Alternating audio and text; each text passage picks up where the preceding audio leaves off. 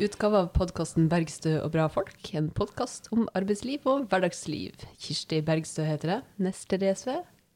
Ingrid Wergeland heter jeg, og jeg er kommunikasjonssjef i Manifest Tankesmie.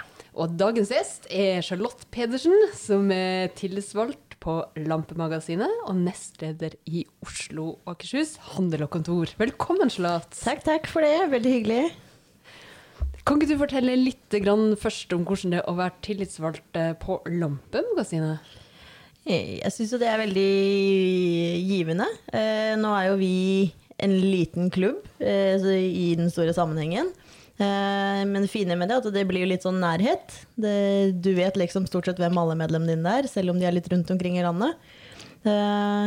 Og så er kanskje terskelen eh, ikke så stor for å gå til tillitsvalgt, for de vet veldig godt hvem den tillitsvalgte er, da. Det er jo en kjempefordel. For da er du tillitsvalgt for alle som er på Lampemagasinet. Ja, vi har organisert oss eh, litt sånn fordi at vi er mange mindre butikker.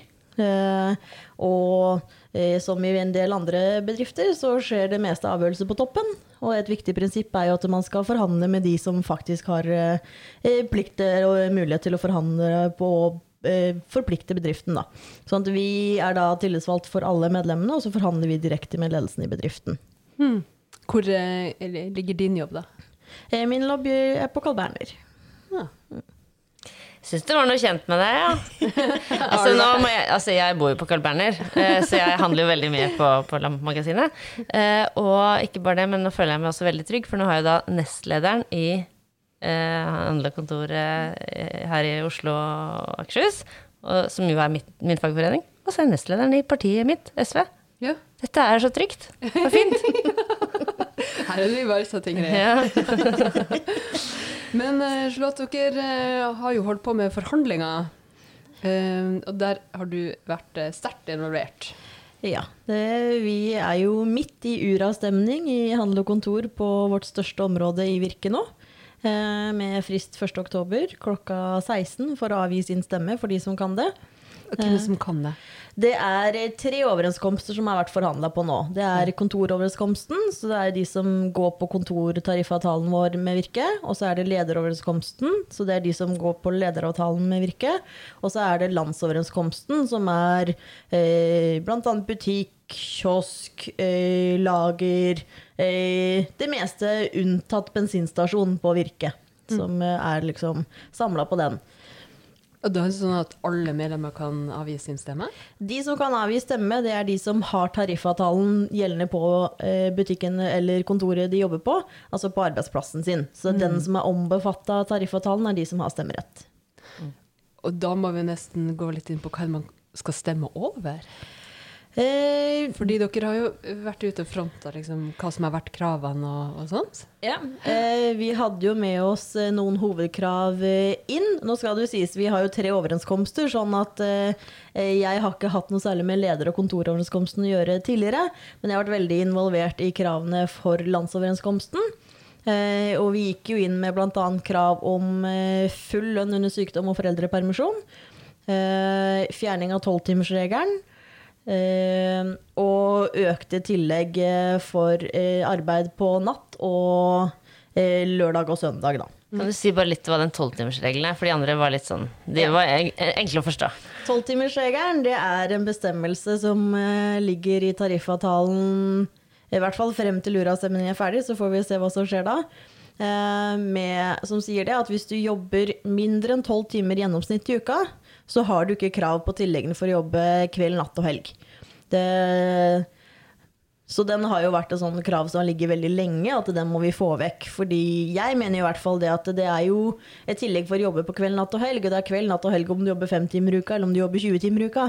Så er det jo tidspunktet det bør gå på, og ikke hvor mange timer du har jobba den uka.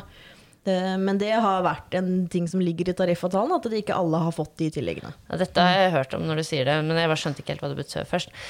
For det er jo helt sinnssykt. For det betyr jo i praksis at det for en, eh, en eh, butikk vil lønne seg veldig da, å sette sette folk i jobb i, eh, i veldig, veldig små stillinger. Ja. Og sette folk til å jobbe da noen få timer i uka på veldig kjipe tidspunkter. Fordi heller enn å, heller enn å lønne folk skikkelig når de jobber seint eller natt. Helt klart, og det er vel kanskje en av grunnene til at man klarer å holde oppe til døgnet rundt omtrent. Da. At det er jo bare å, det er bedre å ansette ti stykker da, for bedriften sånn sett økonomisk på én liten stilling, enn å ha én på en fulltidsstilling. Det, og så mener jeg at det er jo bare dust, fordi bedriften får mye mer ut av å ha en ansatt som har et ordentlig forhold til jobben sin, som faktisk kjenner arbeidsplassen, kjenner produktene, som er selvgående, da. Og det er ikke like lett å få til hvis du jobber noen få timer i uka bare, som hvis du faktisk jobber en fulltidsstilling. Nei, du må jo detaljorientere- øh, øh, detaljinstruere folk veldig da, hvis de skal komme inn og jobbe noen få timer. Ja, ja, for du får ikke den samme tryggheten som du gjør ved å faktisk være der hver eneste dag omtrent. Mm. Men en ting er at det er liksom dust, som du sier. Men en annen ting er at det er jo, det er jo skikkelig dårlig måte å behandle folk på. Ja, helt klart. Men det må jo gå utover fagligheten, men også mye verre å organisere folk som jobber i så små stillinger. Ja, det er jo de gjerne som er redde for å ikke få ekstra timer, da. Vi kjenner jo dessverre til eh, en større og større utbredt av det vi, jeg kaller i hvert fall tariff- og fagforeningsknusing. Og det er jo en av de første truslene som kommer fra arbeidsgiver i disse tilfellene. Så er det jo Det er ikke, heldigvis ikke hele bransjen, men vi ser at det er noen verstinger, og så ser vi at det brer seg litt mer og mer utover. Men det er liksom en av de første tingene. Ja, hvis dere krever tariffavtale her, så eh, får dere ikke noen flere vakter enn det som står på kontrakten deres. Det, det vil jo si, Da kan de også si ha det til tilleggene, f.eks. Mm. For ikke å snakke om at de har plutselig jobba mer, og så skal de ikke få lov til det fordi de ønsker å organisere seg. Men jeg tror vi må litt innom de to eh, andre kravene du nevnte også. Det med lønn under eh, sykdom. Ja, eh, jeg mener jo det er noe av det viktigste vi kunne ha nå. Før pandemien så ville jeg kanskje sagt at de andre er minst like viktige. Men det vi ser nå, er jo butikkansatte er omtrent to og en halv gang mer utsatt for smitterisiko enn liksom Kare Ola Abdul Nordmann eller Skjær. Um, og det er liksom ikke fullt eh, verneutstyr. Vårt verneutstyr har vært eh, i beste fall pleksiglass, vaskeklut og antibac. Og hvis du er heldig, sånn klistremerke på gulvet med 'hold en meter avstand' og eh, 'ikke host meg i trynet', opp og si. Det, Og det er jo ikke alltid de funker heller. På min eh, bedrift f.eks. så driver kundene og stikker huet rundt pleksiglasset, da. Det, for å liksom ja, Opplevd det. Og kundene står og hoster oss i trynet nærmest innimellom. innimellom. Sånn at det Det er ikke alle jobber som er like lette. Vi har jo selgerjobb, hvor vi må faktisk gå rundt i butikken og vise kundene produktene. Vi kan jo ikke ta på oss pleksiglasset rundt heller. Det henger liksom ved kassa. Og selv da så er det liksom du må ha litt gleppe på siden for å ha plass til de store eskene. Og da legger liksom kundene seg over disken, og så stikker de gjerne hodet rundt. da. Overraskende mange. Det, de skjønner at det er der, men de tar liksom og snur huet rundt, da. Det, eller hvis du flytter deg bak glasset, så går de så de steller seg og liksom ser forbi glasset.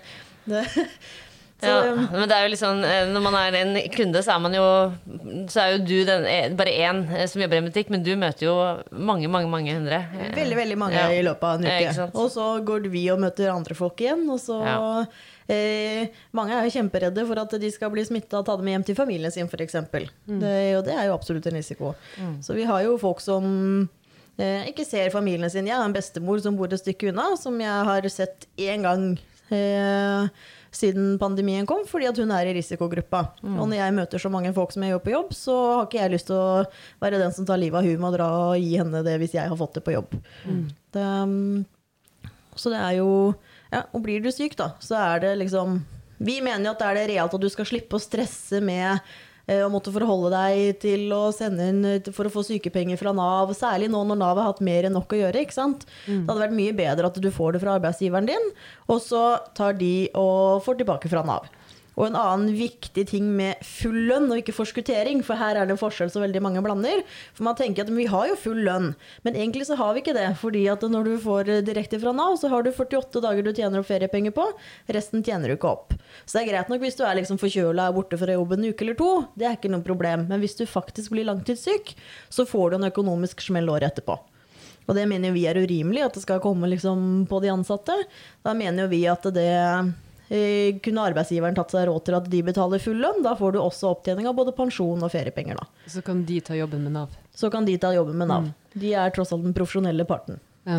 Med både foreldrepenger og med Vi mener jo det også er viktig. eh, For det vi ser, er jo at det er jo kvinnen som går gravid, og det er gjerne hun som blir lengst borte. Og der også får du et økonomisk tap eh, året etterpå, for du får jo ikke opptjening på feriepenger hvis du får det direkte fra Nav der heller.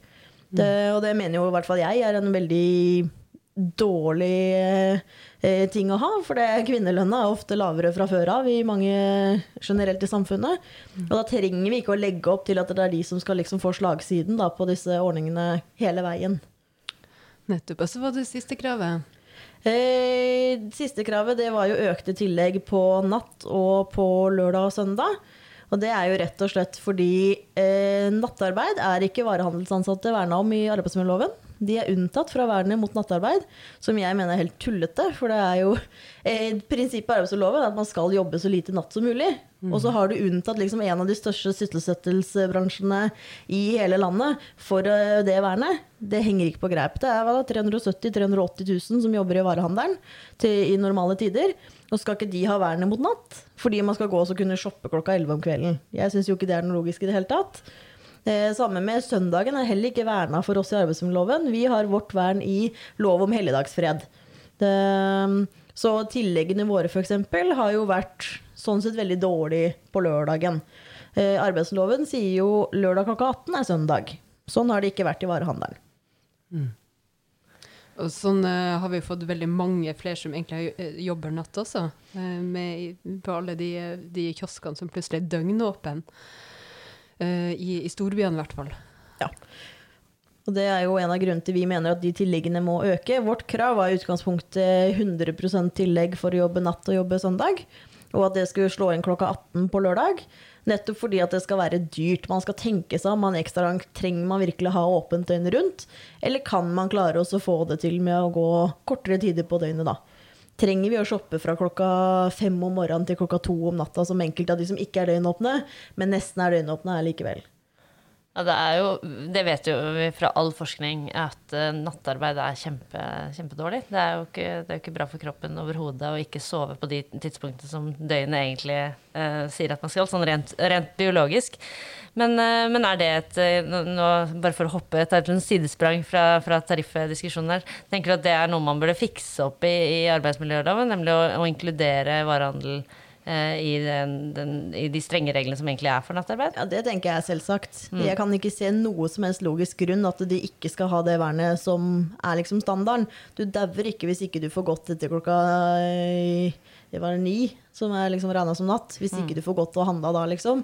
Det, jeg jobber i butikk selv, og selv jeg klarer å få handla innafor tider som hadde vært kortere enn det som er nå, uten problemer. Det, sånn at jeg ser ingen logisk grunn til at vi skal ikke ha et vern også for de som jobber i varehandelen. Da. Altså en ting er at, eh, som du sier, eh, Kirsti, med at det, det finnes kiosker som er døgnåpne og sånn, men altså, altså min, min nærbutikk er jo oppe til, til midnatt. Og det er jo eh, Når jeg da vet at den åpner igjen klokka sju, eh, så håper jeg for all del at det ikke er den samme personen som drar hjem ved midnatt og kommer tilbake til sju, men, men likevel, altså det er da, da ødelegger du jo fullstendig nattesøvnen når du kanskje ikke får lagt deg før halv to-to, da. For å bare Ja. Det, det føles ikke liksom livsnødvendig å se, men det er en del yrker i, i samfunnet som man må ha, ha døgnkontinuerlig bemanning på. Men, men butikker er liksom ikke blant dem. Nei, shopping er ikke akkurat det du trenger å ha døgnet rundt, syns jeg i hvert fall. Nei, jo er det ikke lønnsomt eh, å ha det kunne, eh, Har man ikke økonomi til å kunne betale folk ordentlig, ja, så er det ikke lønnsomt. Og da får man jo gjøre noe med åpningstidene, da. Ja. Men nå sa jo du at det er uravstemning, og at alle som har tariffavtale på arbeidsplassen og som er medlemmer, kan, kan, eh, kan være med på den uh, avstemninga. Hva er det du anbefaler? Jeg er jo tilhører mindretallet som har vært ute og anbefalt å stemme nei. Um, kan jo, jeg kan jo gå litt gjennom hva man faktisk har fått på plass. Ja. Ehm, man har fått endringer i paragrafen som handler om kompetanseutvikling. Ehm, en styrking av den. Man har også fått et bilag som handler om at partene på arbeidsplassene skal se på miljøavtrykk og sånne type ting. Eh, Det er liksom litt sånn overordna ting som er eh, kommet inn nå. Eh, og så har man faktisk fått fjerna tolvtimersregelen. Det er man enige om, så det er jo kjempebra. Gratulerer. Takk, takk. Den har man liksom kjempa med kjempelenge. Eh, og så har man fått inn noe på tilleggene. Det ble ikke 100 eh, men lørdag klokka 18 skal nå, i det som er enigheten som ligger eh, ute på avstemning, eh, ha samme satsen som på søndag. Og den er satt opp fra 90 kroner var det på lørdagen til 110, og det var 96 på søndagen, og den er også 110.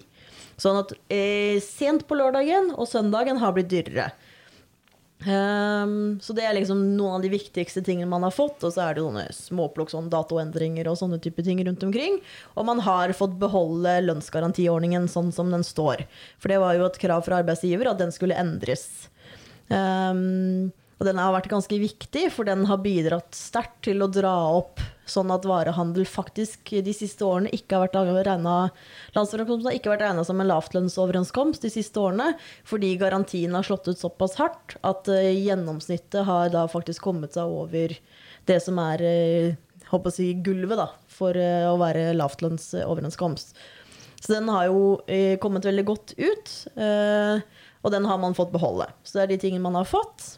Men så hører dere kanskje at det, en ting vi ikke har fått noen ting på, som jeg mener var noe av det viktigste, var jo dette med eh, sykelønn og foreldrepenger. Der, eller vil si, man har fått eh, frontfaget. Der hvor det tidligere sto at man anmodet om å ikke forskjellsbehandle bedriften, så er det nå gjort om til at det ikke er adgang til å forskjellsbehandle bedriften hva gjelder forskuttering av sykepenger. Det, og så vil jeg jo ikke bli overraska hvis det blir noe tvister kanskje på dette etter hvert. Hva er det det ikke er lov til å fortsette behandle? Er det hvis sjefen din har full lønn, så skal du ha full lønn? Eller er det hvis sjefen din skal ha full lønn, så får du forskuttering? Mm. Eh, jeg frykter jo kanskje med den ordlyden som er at det kan bli et lite sånn gissel. At da har sjefen din full lønn, så får du forskuttering av sykepenger, og da taper du fremdeles feriepenger, opptjening og sånne type ting, men du slipper å forholde deg til Nav. Så det er et eh, skritt på veien, det er det helt klart, at nå kan du ikke forskjellsbehandle. Um, men det er hovedgrunnen til at jeg er en av de som er ute og anbefaler nei, er fordi at jeg syns når vi har mobilisert på at dette skal være viktig Vi står midt i en pandemi. De ansatte i varehandelen er to og en halv gang mer utsatt for eh, smitterisiko. Hvis ikke man tar kampen for å få til noe skikkelig på sykelønn nå, når skal man gjøre det da? Mm. Det, Men flertallet eh, anbefaler at eh, medlemmene skal gå for eh, og stemme, stemme for, og vise til at man har kommet langt i forhandlingene. Flertallet anbefaler å stemme ja, og så er det et mindretall som anbefaler nei. Og Hvordan funka det nå? Er det sånn at uh, man har diskusjoner på alle arbeidsplasser, og så uh, Uh, og så skal man gjøre opp sin mening. Har dere sendt ut uh, informasjonsskriv og, og, og, sånn? Hvordan, hvordan liksom funka det her i, i, praksis ute på, på arbeidsplassene? Nå er det jo virkelig opp til medlemmene. sånn at uh, det er jo viktig at alle tillitsvalgte ute på arbeidsplassene hvor de har stemmerett, faktisk har medlemsmøter. At man setter seg inn i hva er det som er resultatet. Hva får man hvis man stemmer ja? Hva risikerer man hvis man stemmer nei? Og selvfølgelig, Hvis stemmer er nei og det blir en streik, så må man tilbake til forhandlingsbordet på et visst tidspunkt. Da kan det jo være noe av din ting man er enige om, er man ikke enige om senere. Um, det er jo en risiko, og det skal man vite. Men så må man jo se hva syns jeg er viktigst. Hva er verdt å kjempe for. Uh, vi har jo eget medlemsblad. Der kan man lese både hvorfor de som mener nei, mener man skal stemme nei. Og man kan også lede, lese hvorfor eh, de som anbefaler ja, anbefaler ja. Så det kan jo være lurt å sjekke Håkonytt, blant annet. da for de som er medlem i Handel og Kontor. Og så er det på min side, på hkinfo.no, så kan man logge inn og delta i uravstemningen. Og også skal det sendt ut SMS-er og sånne ting, med også informasjon om eh, hvorfor man mindretallet anbefaler nei, og hva som er resultatet og sånne ting. Så det er viktig at man liksom setter seg inn i hva får man, hva er det man ikke har fått. Syns man dette er godt nok, eller vil man liksom stemme det ned og se om man kan få til noe annet? Det er jo ikke så veldig ofte det streikes i, i varehandel. Du, du, nevnte et årstall her i sted. Ja, nei, før vi begynte. Sist, dette området her, eh, som er vårt største område, da. Og Eh, det er vel tredje største, i hvert fall i privat sektor og LO overenskomst, tror jeg. Det var 1961. Det er 30 ja. år siden sist vi var i mekling. Ja. Det var da vi gikk ut med lønnsgarantien. Og før det så var det jo da 59 år siden sist at vi var i mekling, og da ble det faktisk streik. Men det var også etter en uravstemning. Der kom man også ut fra mekling med en enighet, men det var medlemmene som bestemte. De bestemte at dette er ikke bra nok, og da gikk man ut i streik. For det er jo det som er resultatet, da, for å bare ta voksenopplæringen her, at hvis folk stemmer ned den uravstemningen, så, så blir det streik. Da blir det streik. Hva, hva, er, hva, tenker, hva, tror du folk tenker om det? Altså, det er jo veldig tøffe tider nå i, i varehandelen, og verre har det blitt. Altså, det har vært tøft lenge, og det har jo blitt verre med, med pandemien også. Tror du folk er, likevel er, er klar for å stå på krava som man må gjøre med en streik? Jeg tror nok det kan være noen som syns det er litt skummelt. Jeg tror det ligger mye i fordi dette er ikke noe vi gjør hele tiden. Hvis du er med å streike litt sånn innimellom, så er det ikke like skummelt. Men uh, sist vi hadde streik, så var ikke min mamma engang født, så da er det litt naturlig at folk kan synes dette er litt skummelt, ikke sant. Mm. Uh, da må man jo som organisasjon liksom hive seg rundt og så prøve å gjøre hverandre gode. Uh, og så er det selvfølgelig Vi er jo ikke tjent på å streike dumt, hvis man kan si det sånn. Sånn jeg vil jo, eh, Man har jo strategier for hvordan skal man ta ut dette her på den mest mulig forsvarlige måte. For eksempel så var jo en av Nå blir det gjort et nytt førsteuttak hvis det blir en streik, men eh, før vi gikk inn i mekling, så hadde man jo bl.a. en sånn policy at har bedriften gått dårlig under pandemien, f.eks., så skal man prøve å unngå å ta ut folk der. For vi vil ikke at vi skal liksom slå bedrifter konkurs ved en streik under en pandemi. Og samme med hvis det er småområder med én matbutikk. Hvis du plutselig tar ut de i streik og den må stenge, så må du liksom reise kollektivt eller noen sånne ting for å komme deg til neste matbutikk. Det er ikke vi interessert i heller. Da lar man heller være å ta ut der, f.eks. Nettopp for å ivareta behovet for trygghet for liv og helse. Så det er jo noe man må liksom se på, og det er jo arbeid som gjøres nå. Man går jo gjennom og ser hvor har man grunnlag for å ta ut folk, og hvilke konsekvenser vil det få. Eh, at det ikke skal liksom være farlig, da. For vi er jo i en pandemi, og det skal vi ta inn over oss. og man må ta noen andre hensyn da. Men jeg mener det alene er ikke noen grunn for at man ikke skal ta en kamp. Vi ser jo liksom arbeidsgiversiden ute og si at det er umusikalsk å gå ut i streik nå. Dere kan unngå det, bare gi oss det vi ber om, så slipper dere streik. Det er liksom ikke verre enn det. Mm. Nei, det er jo ganske mange butikker hvor det jobber uh, veldig få. Uh, og hvor kanskje Altså kan man tenke seg at kanskje sjefen på butikken da ikke er organisert, og da vil sette i gang og drive butikken nesten alene. Sånn som man så litt f.eks. under hotellstreiken for noen år siden, så var det jo en del som mellomledere som, som drev og måte plutselig gjorde eh, oppgaver som, som, som de streikende egentlig gjorde. Det skal man være veldig veldig forsiktig med. Eh, for det er eh, Man skal ikke tråkke over og bli streikebryter. Du har ikke lov å gjøre oppgavene til andre folk hvis de er tatt ut i streik. Og det å være streikebryter, det er ikke noe kult. Det er eksklusjonsgrunnlag. Du risikerer å aldri få være med i en fagforening noen gang igjen. Eh, enten du har vært med dem, eller du ikke er det, så kan du bli svartelista. Det konsekvensen kan være at du får ikke organisere deg. Men er lin, eller grensene der veldig klare? F.eks. nå er jo eh, bussjåførene ja, men eh, vekterne i, i, i streik. Uh, og da har jeg fått tilbakemelding om at en del folk som jobber i butikk, blir bedt om å gjøre en del som vekteroppgaver. Uh, som handler om å passe ekstra på, sørge for at folk holder kanskje avstand i, i kø, og, og gå utafor sine arbeidsoppgaver. Vi har vært eh, veldig tydelige der hvor vi har hørt om at arbeidsgiver har sagt det på noen av våre bedrifter. Så har vi vært i kontakt med de tillitsvalgte og sagt dette er ikke greit. Dere skal ikke gå inn og gjøre oppgaven til bl.a. vekterne. Fordi streikebryteri kan gå på tvers av forbund også. Det, mm, så vi anser det for streikebryteri hvis man begynner å gå inn på disse jobbene her. Men det er ikke sikkert alle vet om disse tingene. Derfor jeg synes det er litt viktig å si mm. at hvis du gjør oppgaver som ikke er dine, men som tilhører noen som er ute i streik, det er streikebryteri. Og det må man ikke gjøre, for da undergraver man eh, Ikke bare skyter du deg selv i foten, fordi stort sett så taper jo Eller så vinner du gjerne på en eh, konflikt når den er ferdig. Så vil jo du i de fleste tilfellene faktisk få noe ut av det. I hvert fall hvis det er på din egen overenskomstområde. Da. Så er det jo en grunn til at hvis du blir permittert under en streik, så får du ikke dagpenger. Det er for det er en lovlig konflikt som du tjener på senere.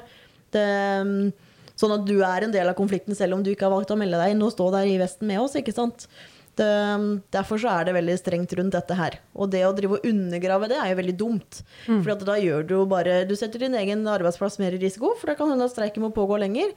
For ikke å snakke om hvordan arbeidsmiljøet blir det etterpå, når de folka har stått der ute og kjempet for at også du skal få bedre rettigheter, og så står du og så motarbeider du dem innenfra. Det er veldig dumt. Ja, det, det er umusikalsk. Det er umusikalsk. Men eh, nå når det er eh, vært, eh, vært denne, denne tøffe tida som vi, vi lever i med koronaen, har dere opplevd at det er blitt flere medlemmer hos dere, eller færre, eller er er det alt som før? Nei, man merker jo det, særlig når det liksom begynner å bli snakk om permitteringer og sånne type ting. Det er jo litt sånn tilbake til hvorfor ble fagbevegelsen danna. Når det er mye usikkerhet, da søker folk trygghet. Og da finner man jo gjerne ut at hvor kan man finne den tryggheten? Jo, det er jo fagforeninga. Det, sånn at vi har sett en medlemsvekst. Og så er det jo vår jobb å prøve å holde på de da, når det blir tryggere igjen, og få de til å skjønne at det har en verdi også når det ikke er krisetider. Hvordan eh, er dere klare å holde best på medlemmene? Nei, det er jo det som er det store spørsmålet. Da. Ja. vi jobber jo med å se hva kan vi tilby de? Eh, skolering f.eks. Eh, lære de om viktigheten. Men aller viktigste er jo tariffavtale. Veldig mange melder seg kanskje inn uten at de har tariffavtale på bedriften de jobber. Og du får en helt annen trygghet med tariffavtale enn du gjør som Du får hjelp som medlem, men med tariffavtale så har du enda sterkere rettigheter. Det, um, så det er jo noe av det viktigste, tenker jeg, at man må jo prøve å fange opp. Er det noen steder hvor man kan hjelpe de å få tariffavtale, f.eks., så de kan velge seg tillitsvalgte? Og medvirke. i Og medvirke grad i, på på arbeidsplassen sin. Ja. Mm. Charlotte, vi har et eh, fast eh, spørsmål i podden vår. Um, og nå vet jeg ikke hvor lenge du har jobba på Lampemagasinet, men det vi lurer på, det er Hva var din første jobb? Eh, Den aller første var vel teknisk sett en barnevaktjobb. Men liksom den første hvor jeg fikk lønnsslipper og sånne ting, det var som eh, telefonselger. Ok, hva var det du solgte? Eh, Litt forskjellig, men det jeg likte best, det var eh, abonnementer eh, på bøker, sånn Cappelen og sånne type ting. Det, det gikk ganske bra. Var det bokklubb, liksom? Eller? Ja. Ah. Var du organisert da? Nei, det, da hadde jeg liksom ikke Du lærte ikke så mye om det på skolen, ikke sant. Det var sånn LO er dette her, og så hadde du ikke noe særlig mer forhold til det. Så det kom etter jeg var ordentlig ute i jobb, da. Så var det sånn herre Hm, vi kunne tenkt oss et høyere lønn, skal vi prøve å få tariffavtale? Og så fikk vi høyere lønn, og så har vi beholdt tariffavtale. og da skjønte du LO, det jo meg. Helt klart. Supert. Eh, Tusen takk for at du kom til oss, eh, Charlotte. Eh, Lykke til videre med både å rekruttere flere medlemmer, ha diskusjon oppe eh, om eh, uravstemninga, eh, og resultatet, hva det enn måtte bli. Takk for det, veldig hyggelig å komme. Og de som kan, bruk stemmeretten deres. Ja, det må vi minne om. takk til deg som hørte på. Fortsett med det. Ha en fin dag.